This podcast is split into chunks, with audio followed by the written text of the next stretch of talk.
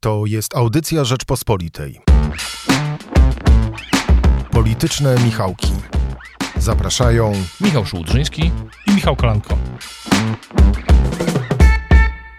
W piątek 17 marca witam Państwa bardzo serdecznie w Politycznych Michałkach i zapraszam na przegląd naszej sceny politycznej, w której po kulminacji dyskusji dotyczącej Jana Pawła II kulminuje dyskusja na temat drożyzny i temu, kto jest jej winien, e, kiedy emerytury były wyższe i czy można kupić pomidorów e, więcej za emeryturę dzisiaj, czy w 2015 roku, gdy rządziła Platforma Obywatelska. Czy ta sytuacja, z którą mamy do czynienia w ostatnich sondażach, to dzwonek alarmowy dla Platformy Obywatelskiej i pozostałych partii opozycyjnych, a może dla Prawa i Sprawiedliwości. Zapraszam na polityczne Michałki. Zacznijmy może, Michale, naszą dzisiejszą rozmowę na temat polityki od sytuacji, którą można zaobserwować e, po stronie opozycyjnej. W programie Rzecz o Polityce w naszym telewizyjnym e, studio Rzeczpospolitej występował e, w tym tygodniu e, Borys Budka. Jaki był główny przekaz przewodniczącego klubu Platformy Obywatelskiej? Główny przekaz dotyczy, było kilka, było kilka przekazów, ale główny, myślę, że taki, który dzisiaj, jak widzę na, na Twitterze, na Twitterze w mediach społecznościowych zaczyna, zaczął krążyć, to jest y, to, co powiedział przewodniczący klubu Platformy o tym, co dalej z opozycją, tak? No bo jest takie poczucie, było przynajmniej przez dłuższy czas, ja nie wiem, czy, nie wiem, czy też miałeś takie poczucie, że przez dłuższy czas, ostatni, ostatni miesiąc, y, no było takie poczucie, że już wszystko się, y, wszystko już jest rozegrane, tak? To znaczy, no, że, że strzelili focha wszyscy na wszystkich i idą osobno. Tak, idą osobno, lewica osobno, Platforma osobno, no i jedyna konsolidacja no to będzie na linii Kośniak-Hołownia, która się zresztą, zresztą dzieje. Nie jest to prosty proces, to sam Hołownia niedawno zresztą chyba przyznał. No ale y, przewodniczący Budka zasugerował, że będzie taki moment, ja dopytywałem o to kiedy i to ma być jeszcze przed wakacjami, że dojdzie jeszcze do mm, jednej próby konsolidacji opozycji. I pytałem, jaki, jaka to ma być konsolidacja, i jak usłyszałem, i to też jest wariant, który oczywiście już wielokrotnie omawialiśmy, ale no w tej debacie, przyznaj, przyznajmy szczerze, no nie było wariantu, który nie byłby omawiany, tak? No nie, nie ma ich aż tak wiele zresztą, że to będzie wariant, w którym Platforma yy, skonsoliduje się właśnie z Hołownią i z, yy, z PSL-em, a będzie osobno startował blok lewicowy, no i osobno taki blok właśnie centrum, jak to powiedział e, przewodniczący Budka. Cała rozmowa na stronach Rzeczpospolitej, naszych kanałach w mediach e, społecznościowych i podcastowych. No i taka jest e, dzisiaj widzę mm, atmosfera, że, że jedna lista raczej nie, chociaż niewykluczone, ale w czerwcu może jeszcze coś się wydarzyć i może być jakaś próba właśnie konsolidacji. Kto jest dzisiaj, y, kto byłby dzisiaj największym beneficjentem y, takiej konsolidacji? Dlatego, że z jednej strony mm, Szymon Hołownia i Władysław Kośniak-Kamysz podkreślali, że łączy ich y, wiele, no na przykład wspólne podejście do kwestii aborcji. Obie te partie uważają, że trzeba oddać głos obywatelom i obywatelkom, decydując y, o rozpisaniu referendum w tej sprawie, w sprawie aborcji.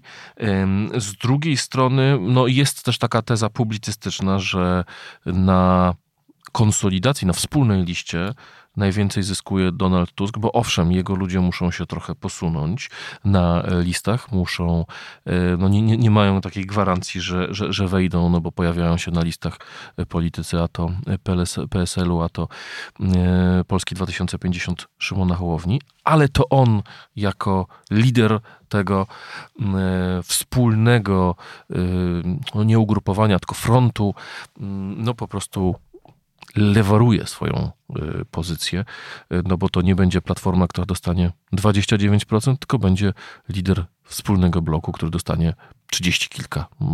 Opozycja pewnie liczy na 40%. Jest tak, że wprost myślę, myślę odpowiedzi na Twoje pytanie o to, kto najbardziej zyska.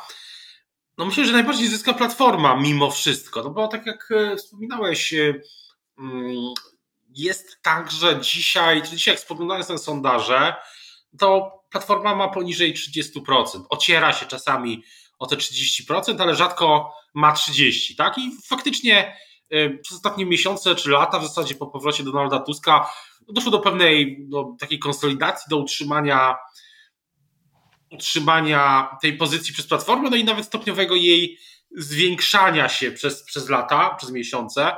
No ale ten, to zwiększanie się wydaje się jednak, y, no, dociera do pewnych granic, tak? Z trudem platforma osiąga te 29, czasami te 30%. No i jest takie, jest takie poczucie, że gdyby była jakakolwiek konsolidacja, bo jeszcze się mówi w, w kuluarach czasami, że w ostateczności może być też konsolidacja y, Platformy i Lewicy, co, co moi rozmówcy z Lewicy stwierdzili, że to jest bardzo mało prawdopodobne, ale wprost do końca się tego wykluczyć nie da. No, że, że konsolidacja przy, przyniosłaby Platformie tą trójkę z przodu i być może zrównałaby się wtedy y, Platforma z PiSem. Mając około 34-30 34-35%. Y, Więc takie, myślę, że to jest też myślenie, y, myślę, że to jest też myślenie, przepraszam za to masło maślane, dotyczące jednej listy, tak? No bo jedna lista miałaby pewnie jeszcze więcej niż 30 parę procent i byłaby może nawet na prowadzeniu, chociaż doświadczenia e, z, z przeszłości, czy tam doświadczenia, nie wiem, z Węgier pokazują, że prowadzenie jednej listy, e, bo na Węgrzech była jedna lista opozycji, taka od Jobbiku chyba po nawet partię. A, mówiłeś o tym w TVN-ie w tym tygodniu i znowu tak, powie... ofiarą oczywiście... awantury, czy już burzy w szklance wody. Powiedz, co miałeś tak, na myśli, a jak, a jak zostało to odebrane? Y, bo oczywiście y, pozdrawiam wszystkich. Y, oczywiście niektórzy Twitterowicze usłyszeli coś innego niż powiedziałem, bo ja mówiłem konkretnie o Węgrzech. A, bo tam rzeczywiście była jedna lista właśnie taka szeroka i ona się po prostu nie sprawdziła. Więc wracając, ze względów też na takich, które widzieliśmy w koalicji europejskiej, chociaż tam oczywiście wiosna była poza, że trudno się taką listą steruje, mało jest wspólnych punktów poza takimi banałami o obronie demokracji czy czymś w tym stylu. No i to się kończy. Dla obrońców demokracji to nie jest banał, tylko kluczowa sprawa. Tak. Ale, ale też no, badania opisywała je Zuzanna Dąbrowska yy, w tym tygodniu. To są badania Przemysława, profesora Przemysława Sadury i Sławomira Sierakowskiego, które pokazują, że dla wyborców PiSu kwestie tak zwanej praworządności, demokracji i tak dalej nie mają żadnego, e, żadnego absolutnie znaczenia. Więc chodzi o to, nie chodzi o to, czy to są kwestie ważne, czy nieważne, bo demokracja jest rzeczą bardzo ważną, ale mówienie o problemie z demokracją nie sprawi, że wyborcy PiSu odwrócą się od tej Tak, no oczywiście obrona demokracji to jest ważna rzecz, ale no jakby, jak powiem, jak Beata Szydło, y, pani y, y, europoseł Szydło, doświadczenie 8 ostatnich lat pokazało, że no jednak niespecjalnie się to sprawdza jako sztandar. Może kiedyś były demonstracje pod tym sztandarem, ale E, no wiemy, od dawna ich nie było nawet, nawet nie było nawet tak, nie było demonstracji w obronie demokracji, one też się wypaliły. Ale do czego zmierzam, że mm, jest takie moim zdaniem poczucie, ono rośnie i to też jest chyba efekt, czy widać to też w badaniach, które pokazują, że wyborcy PiSu są coraz bardziej przekonani o zwycięstwie, a wyborcy Platformy czy opozycji coraz mniej. Że to, że najpierw było nakręcanie się y, przez zwłaszcza pewne środowiska, y, czy przymuszanie, no nie wiem, prośby, groźby w różnych konfiguracjach przez, y, przez miesiące i lata, żeby doszło do tej konsolidacji, a później jej nie ma, no to wyborcy opozycji się demotywują. Są, są coraz bardziej zdemobilizowani. Dodałbym jeszcze jedną rzecz, to na co zwraca uwagę szef Ibrisu Marcin Duma, a mianowicie, że wyborców opozycji demotywuje um, obawa o to, że wybory mogą zostać, być, zostać sfałszowane. No bo kto sfałszuje według tej narracji? Władza. A zatem nie mam po co iść głosować na opozycję, skoro te wybory będą sfałszowane. Tak, ale tutaj. A ten głos sama... też się pojawia po stronie opozycji czy opozycyjnych mediów o sfałszowaniu wyborów, co jeszcze bardziej demobilizuje ich własnych wyborców. No tak, ale przecież e, to nie PiS publikował okładkę jednego z tygodników opartą na no powiedzmy sobie szczerze, bardzo mało wiarygodnych, y, y, nie powiem zeznaniach, bo to jest termin z innego trochę świata, no ale wspomnieniach. Wspomnieniach jednego z tam działaczy Prawa i Sprawiedliwości, który z partii odszedł. No i tak się to e, kończy. Albo czy oczywiście. Albo sugerował, powie, przypomnijmy tylko, sugerował tylko to. Nie kończy, bo oczywiście wszystko jest jeszcze możliwe. Stąd stała ta dyskusja, że co się wydarzy w czerwcu. Co będzie w czerwcu? Bo ja myślę, że losy tej mm, ta kampania będzie miała jeszcze wiele takich wzlotów i upadków w sensie nastroju, że będą jeszcze i wszyscy sobie z tego sprawę zdają, że będzie taki moment, że opozycja znowu nabierze wiatr żagla, PiS znowu będzie przygnieciony kolejnymi y, aferami czy kryzysami. Ostatnio, ostatnio rozwija się kryzys na, na kolei w Warszawie. Ty jako, nie, nie wiem, czy mogę to powiedzieć, ale użytkownik też y, warszawskiej. Y, albo rower, albo pociąg. I to moje środki komunikacji do. Właśnie, do że, że chyba, że to też, też, też dostrzegasz, że no, ostatnio dzieje się źle y, w Warszawie na kolei, no, że będą kolejne właśnie takie kryzysy. Opozycja zresztą to, to podnosi w ostatnich, w ostatnich dniach, zarówno Lewica, jak i Koalicja Obywatelska. To jest oczywiście poważny problem dla samego ministra Adamczyka, ale że, że będą kolejne kryzysy, kolejne afery, kolejne sprawy, no i te wszystkie nastroje się jeszcze będą zmieniać. Tak mi się wydaje, że nic nie jest jeszcze przesądzone. Y, powiedziałeś o y, tej sytuacji na warszawskiej kolei. Przypomniało mi się przedwojenne powiedzenie, które mówiło, że na kolei panuje absolutny rozkład jazdy. Niestety w Warszawie nie panuje rozkład jazdy, y, tylko mm, działania no, chyba chcieli wszyscy za dobrze, uruchomiono nowe połączenia e, z południowymi mm, e, miasteczkami czy miastami. E, linia spiaseczna jest źródłem kłopotów, ale oczywiście mieszkańcom Piaseczna życzymy, żeby szybko mogli dojeżdżać do centrum koleją zostawiając smrodzące samochody. Tu pozdrawiamy kolegów z prawej strony, którzy uważają, że Prawdziwa wolność polega na tym, że jeździ się starym dieslem do pracy i stoi w korku, ale zostawmy te złośliwości.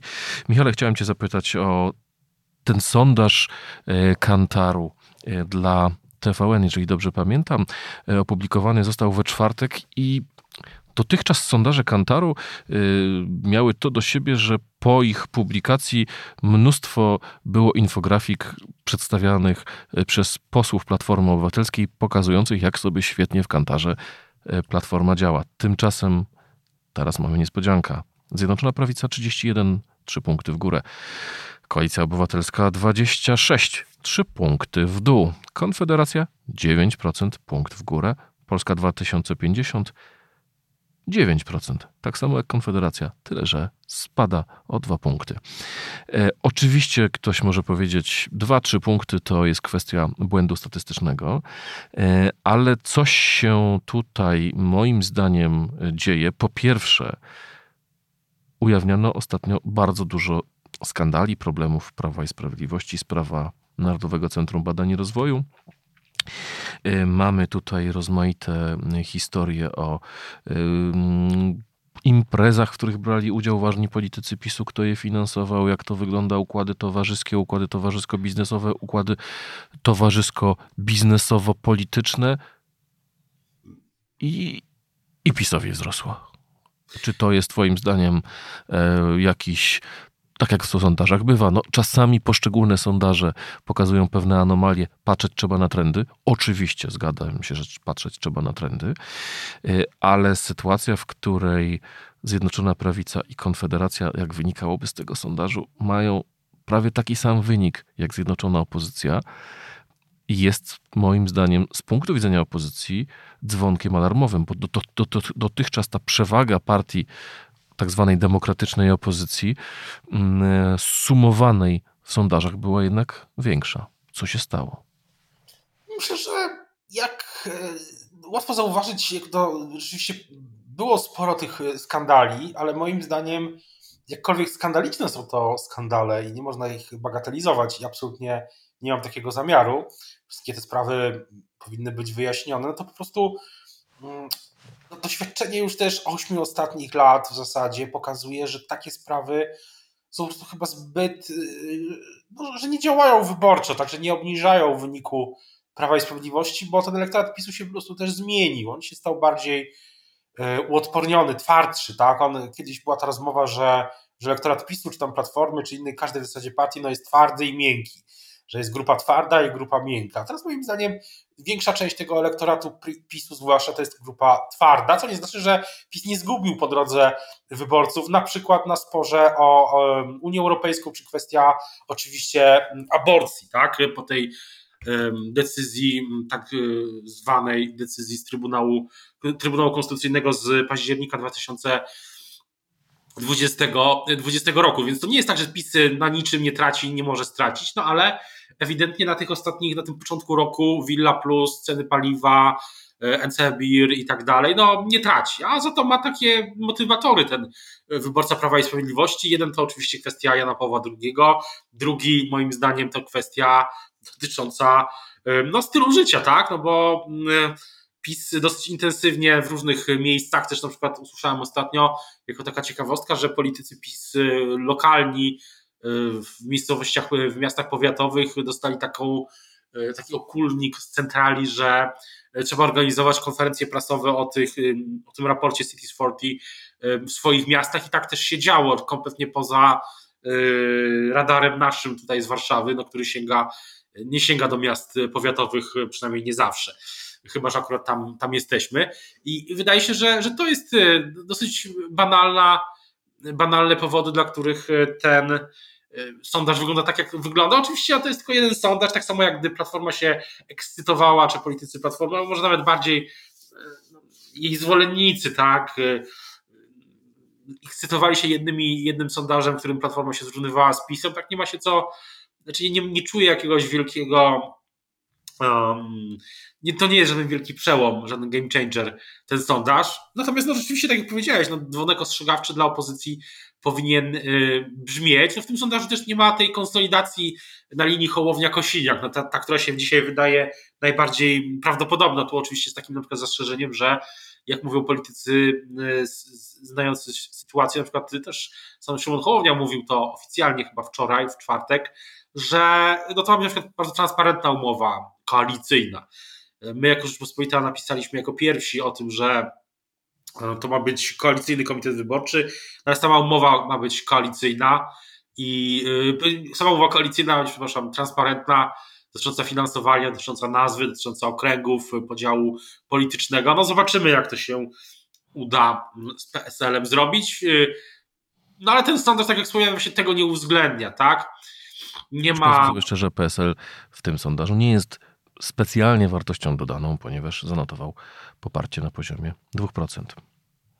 No tak, ale są sondaże, których y, u nas w Rzeczpospolitej chyba Ibris pokazywał chyba 5, y, powyżej progu był PSL. Ja jakoś takie to nie, nie widzę powodu, żeby PSL-owo miało jakoś ostatnio spadać. Wręcz przeciwnie, no raczej chyba nawet był taki sondaż, że było 7 dla, czy 6,7 dla PSL-u. Ja bym dlatego też w tym sondażu też zwróćmy uwagę, osobno jest notowany Paweł Kukiz, co jest trochę pewnym nieporozumieniem, bo Paweł Kukiz najpewniej będzie startował z list PiSu, zwłaszcza jak PiS przyjął jedną z jego flagowych ustaw, która swoją drogą też budzi y, sporo emocji, ale niekoniecznie dużo dyskusji, czyli ustawa o referendach lokalnych i ich poszerzeniu, liberalizacji zasad. To w ogóle jest, y, to akurat jest game changer samorządowy, co już Zresztą o tym pisaliśmy w tym tygodniu. Wspomniałeś dyskusję o Janie Pawle. Faktów nowych do piątku nie było. W piątek mm, opublikowaliśmy tekst Tomasza Krzyżaka poświęcony sylwetce księdza Sadusia. To był jeden z bohaterów reportażu Franciszkańska 3 TVN24, jak również e, książki Ekeo Werbeka. Mam wrażenie, że no, dopiero teraz się będzie rozwijać ta dyskusja na temat faktów. Y, w poprzednich dniach tego tygodnia i w weekend mieliśmy raczej ubijanie medialnej piany, czy politycznej piany związanej z y, wcześniejszymi wydarzeniami, takimi jak y, zeszłotygodniowe głosowanie nad uchwałą w obronie dobrego imienia Jana Pawła. No ale tutaj było wielkie wzmożenie polityków, głównie E, opozycji, e, ale z drugiej strony no, nie tylko e, opozycja, czy koalicji, tak, wzmożenie ze strony polityków PiSu, ale z drugiej strony, jeżeli popatrzymy na niektóre głosy ze strony szeroko rozumianej lewicy, to mam wrażenie, że dla Prawa i Sprawiedliwości, no, powiedziałbym, spadają one z nieba. Zacytuję Państwu, wypikując wpis na Twitterze asystenta europosłan byłej europosłanki, obecnie posłanki lewicy Joanny Senyszyn. Żygam już serio bestią z Wadowic i jego patologicznym kultem jednostki. JP2 to ponadprzeciętny, wybitny wręcz mm, śmierć gnida kanalia. Mm, to papieskie ścierwo, patrona pedofilii, ojca piekła kobiet i pogromcę prezerwatyw. Mm, mu na jego żółtą mordę najpodlejszy Polak. No tak, właśnie takie, takie wpisy, taka atmosfera no, Prawo i Sprawiedliwości no, ewidentnie pomaga w tej motywacji, tak? No bo pamiętam jeszcze w grudniu tego roku, ubiegłego roku prezes Kaczyński musiał w ogóle mówić wyborcom Prawa i Sprawiedliwości w wywiadach, że generalnie no w ogóle da się to wygrać. Teraz już nie musi, ewidentnie. Znaczy, pewnie będzie to przypominał, e, ale struktury, wyborcy, aktywiści no mają coraz większe poczucie, tak się wydaje z tych sondaży, że można to wygrać. No i mm, ta motywacja dotycząca Jana Pawła II no jest, będzie, będzie silną motywacją. Um, zwłaszcza, że no tak jak wspominaliśmy, po drugiej stronie jest już trochę późno, a po drugiej stronie nie ma, nie ma jakiegoś takiego, no nie wiem, jednego, jednej, jednego poczucia, że Mm, że czymś można motywować. Oczywiście politycy Platformy mówią o inflacji. Ostatnio no, całkiem zręczny y, filmik y, Donalda Tuska o cenach, y, przypomnienie cen z przeszłości. Tam było też szybka kontra Prawa i Sprawiedliwości, rzecznika rządu Piotra Müllera. No, ale. Pokazuje, jak zauważają komentatorzy, że jesteśmy już w trybie wyłącznie kampanijnym. Politycy bez marynarek opierają się o fotele albo o kuchenkę i opowiadają o zakupach, albo w odpowiedzi oskarżają się o kłamstwa, że pomijają pewien, e, pewien kontekst. Ale wiesz co, jeszcze na sekundkę, bo to o tych filmikach to, to, to może za moment, bo one moim zdaniem też coś ciekawego pokazują. E, ale patrzę na tekst e, naszej koleżanki redakcyjnej Zuzanny Dąbrowskiej, która analizuje te mm, badania Przemysława e, Sierakowskiego, e, e, Sławomira Sierakowskiego i Przemysława Sodury. I tu jest taki nieprawdopodobnie ciekawy wykres, a mianowicie powiedz, dlaczego, to było pytanie zadane zniechęconym do PiSu wyborcom PiS. I teraz idźmy od końca. Kto z tych osób przestał głosować na PiS, albo powiedział, że już nie będzie głosować na PiS z powodu reformy sądownictwa? 0%. Propagandy w mediach publicznych 1%. Stosunek do Kościoła katolickiego 1%.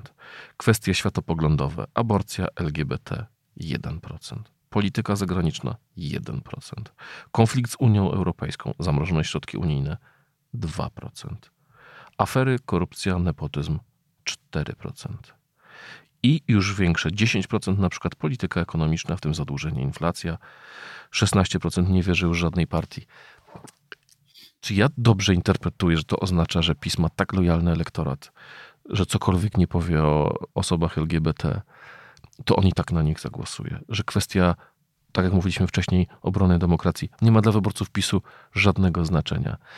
A ponieważ problemem są kwestie ekonomiczne, inflacja, zaufanie do partii i tak dalej, to PiS będzie robił wszystko, żeby zejść z tego tematu ekonomicznego, a przejść na tematy właśnie światopoglądowe, na tematy obrony Kościoła, polskości i tak dalej, bo to jest ta, ten element godnościowy, który dla jego wyborców jest e, bardzo ważny. No i tutaj dochodzimy do rzeczy kluczowej. Wygląda na to, że wybory odbędą się w dzień papieski, ponieważ to właśnie w niedzielę, która jest najbliższa, 16 października, czyli rocznicy wyboru Jana Pawła II, Kościół obchodził e, dzień papieski. No i pech chciał, że to akurat 15 października, czyli dzień, którym najprawdopodobniej odbędą się wybory. No tak, e, PiS e, nie ma bezpośrednio wpływu na termin wyborów, bo oczywiście ustala go, wyznaczy go pan e, prezydent Andrzej Duda, no ale zobaczymy. Zobaczymy, jakie będą te, te decyzje. No, tak jak rozmawialiśmy wcześniej, ja nie jestem specjalnie zaskoczony tym wynikami tego sondażu. no, że elektorat PiSu się trochę zmienił i a z drugiej strony mamy ten elektorat opozycji, tak, no dzisiaj też inny sondaż, na przykład Cebos, który pokazuje, że nawet, no, że generalnie że, że poparcie dla jednej listy spada, większość elektoratów poszczególnych partii opozycyjnych jest coraz bardziej przekonana, że trzeba iść samodzielnie, czyli z jednej strony część elektoratu się demotywuje, bo jest, nie ma jednej listy, a część uważa, że właśnie nie, jedna lista nie jest w ogóle potrzebna, coraz bardziej. No i to powoduje taką sytuację, o której rozmawialiśmy. Oczywiście, tak jak rozmawialiśmy, też to wszystko, wszystko się może jeszcze zdarzyć. Ten tydzień był trochę spokojniejszy, mam wrażenie, niż poprzedni, bo nie było też Sejmu. Sejm w ogóle teraz się zbiera rzadko. Najbliższy Sejm jest dopiero w kwietniu. Zresztą też jest e, specjalnie zorganizowany tak, żeby nie było za dużo rozmów o tym, no właśnie, co tam między PiSem a Solidarną Polską, jak się ma większość i tak dalej. Tych sejmów jest, już naprawdę bardzo niewiele.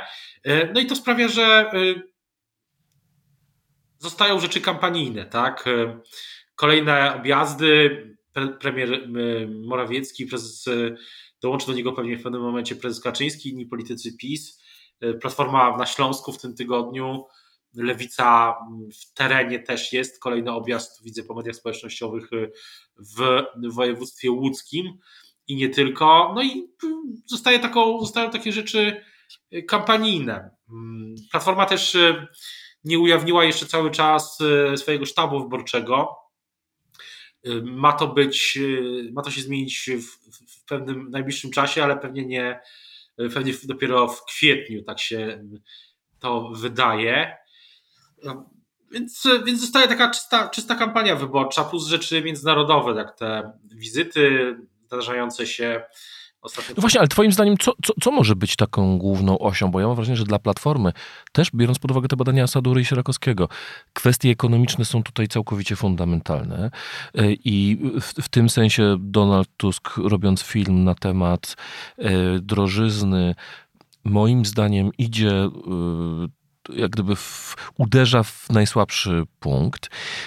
Nasz e, kolega e, Wojciech Szacki z Polityki Insight postawił tezę, że Tusk idzie zgodnie z emocjami społecznymi, a Piotr Miller, czyli rzecznik rządu, który nagrał filmik krytykujący Tuska, idzie wbrew. Ale ja się z tym nie do końca zgadzam. E, wiem, że przykłady anegdotyczne mm, nie mają dużej mocy e, wyjaśniania rzeczywistości, ale zwróciłem uwagę ostatni weekend u mnie na bazarku w Falenicy. Dużo osób nagle zaczęło rozmawiać o polityce i jedna z pani powiedziała, że która mi bardzo utknęła, utkwiła w pamięci, powiedziała, ja tam się polityką e, nie zajmuję, wszyscy coś tam kradną, ale jedno wiem na pewno, jak Platforma wygra, to nam wszystko zabiorą. I taki jest przekaz Piotra Millera, taki jest przekaz Platformy Obywatelskiej, e, czy Prawa i Sprawiedliwości. No okej, okay, jest wysoka inflacja, to wszystko wina Putina, nie nasza, ale jak Platforma wygra wybory, to wam wszystko zabiorą. I to do ludzi e, też trochę trafia. No, tak było w 2019 roku, tak? Tak było, wtedy kampania była na podobnej osi. Ja myślę, że powiem, powiem e, odpowiedzieć bezpośrednio na Twoje pytanie, że, że nie będzie jednej osi kampanii, bo też sfera publiczna się na tyle zmieniła, że to już nie jest możliwe, żeby wykreować taką jedną oś kampanii, jak nie wiem, w 2005 roku e, Polska e, liberalna i Polska e, solidarna, tak? I nie chodzi o Solidarną Polskę Zbigniewa Ziobry, tylko chodziło o hasło kampanijne. Tak, Polska, wtedy nie było jeszcze Solidarnej Polski, tak mi się wydaje. W ogóle nie było. Natomiast Dzisiaj, dzisiaj nie będzie jednej osi kampanii, no bo po prostu y, za dużo się to wszystko też podzieliło na te, te bańki, każdy tkwi w jakiejś. Y, będzie wiele różnych y, sporów i motywacji, no ale liczyć się będą te tematy, które jednak w jakiś sposób potrafią, mogą przeskoczyć między jedną bańką a drugą, bo takie też się, się zdarzają. Pytanie tylko, no jakby kto będzie skuteczniejszy, tak, w tym, w tej motywacji, demotywacji, no bo też jest, liczy się to, czy Platformie uda się zdemobilizować część wyborców PiSu i, i też część wyborców Konfederacji, no bo e, wariant, w którym e, PiS rządzi, współrządzi z Konfederacją jest na stole też, chociaż pewnie nie z samą Konfederacją jako taką z partią, tylko z posłami Konfederacji, których się uda, nazwijmy to eufemistycznie, przekonać po wyborach. Ja myślę, że ten naj, że dogrywka ta wyborcza no będzie właśnie po, po wyborach wtedy też będzie taki moment, y, no też trudny dla, trudny politycznie, ważny, ważny dla tej wspomnianej przez nas wcześniej demokracji, y, no takiego, mm, no być może właśnie takiego tych, tych, tych dyskusji w Sejmie o większości, tak? I też myślę, że trzeba się na to przygotowywać na taką dogrywkę. Bardzo Ci dziękuję, Michale. E, dziękujemy Państwu za uwagę. Michałowi Patyrze za zrealizowanie naszej audycji. Zachęcamy do słuchania innych audycji Rzeczpospolitej, pozostałych podcastów, a także zachęcamy Państwa, jak zawsze, do subskrybowania Rzeczpospolitej. Wejdźcie na czytaj.rp.pl i skorzystajcie Państwo z najnowszych promocji naszej elektronicznej subskrypcji, bo dzięki naszym Państwa subskrypcjom jesteśmy w stanie nagrywać nasz podcast. Do usłyszenia. Słuchaj więcej na stronie podcasty.rp.pl. Szukaj Rzeczpospolita Audycje w serwisach streamingowych. Poznaj mocne strony Rzeczpospolitej. Wejdź na prenumerata rp.pl. Polecam. Bogusław Rabota, redaktor naczelny.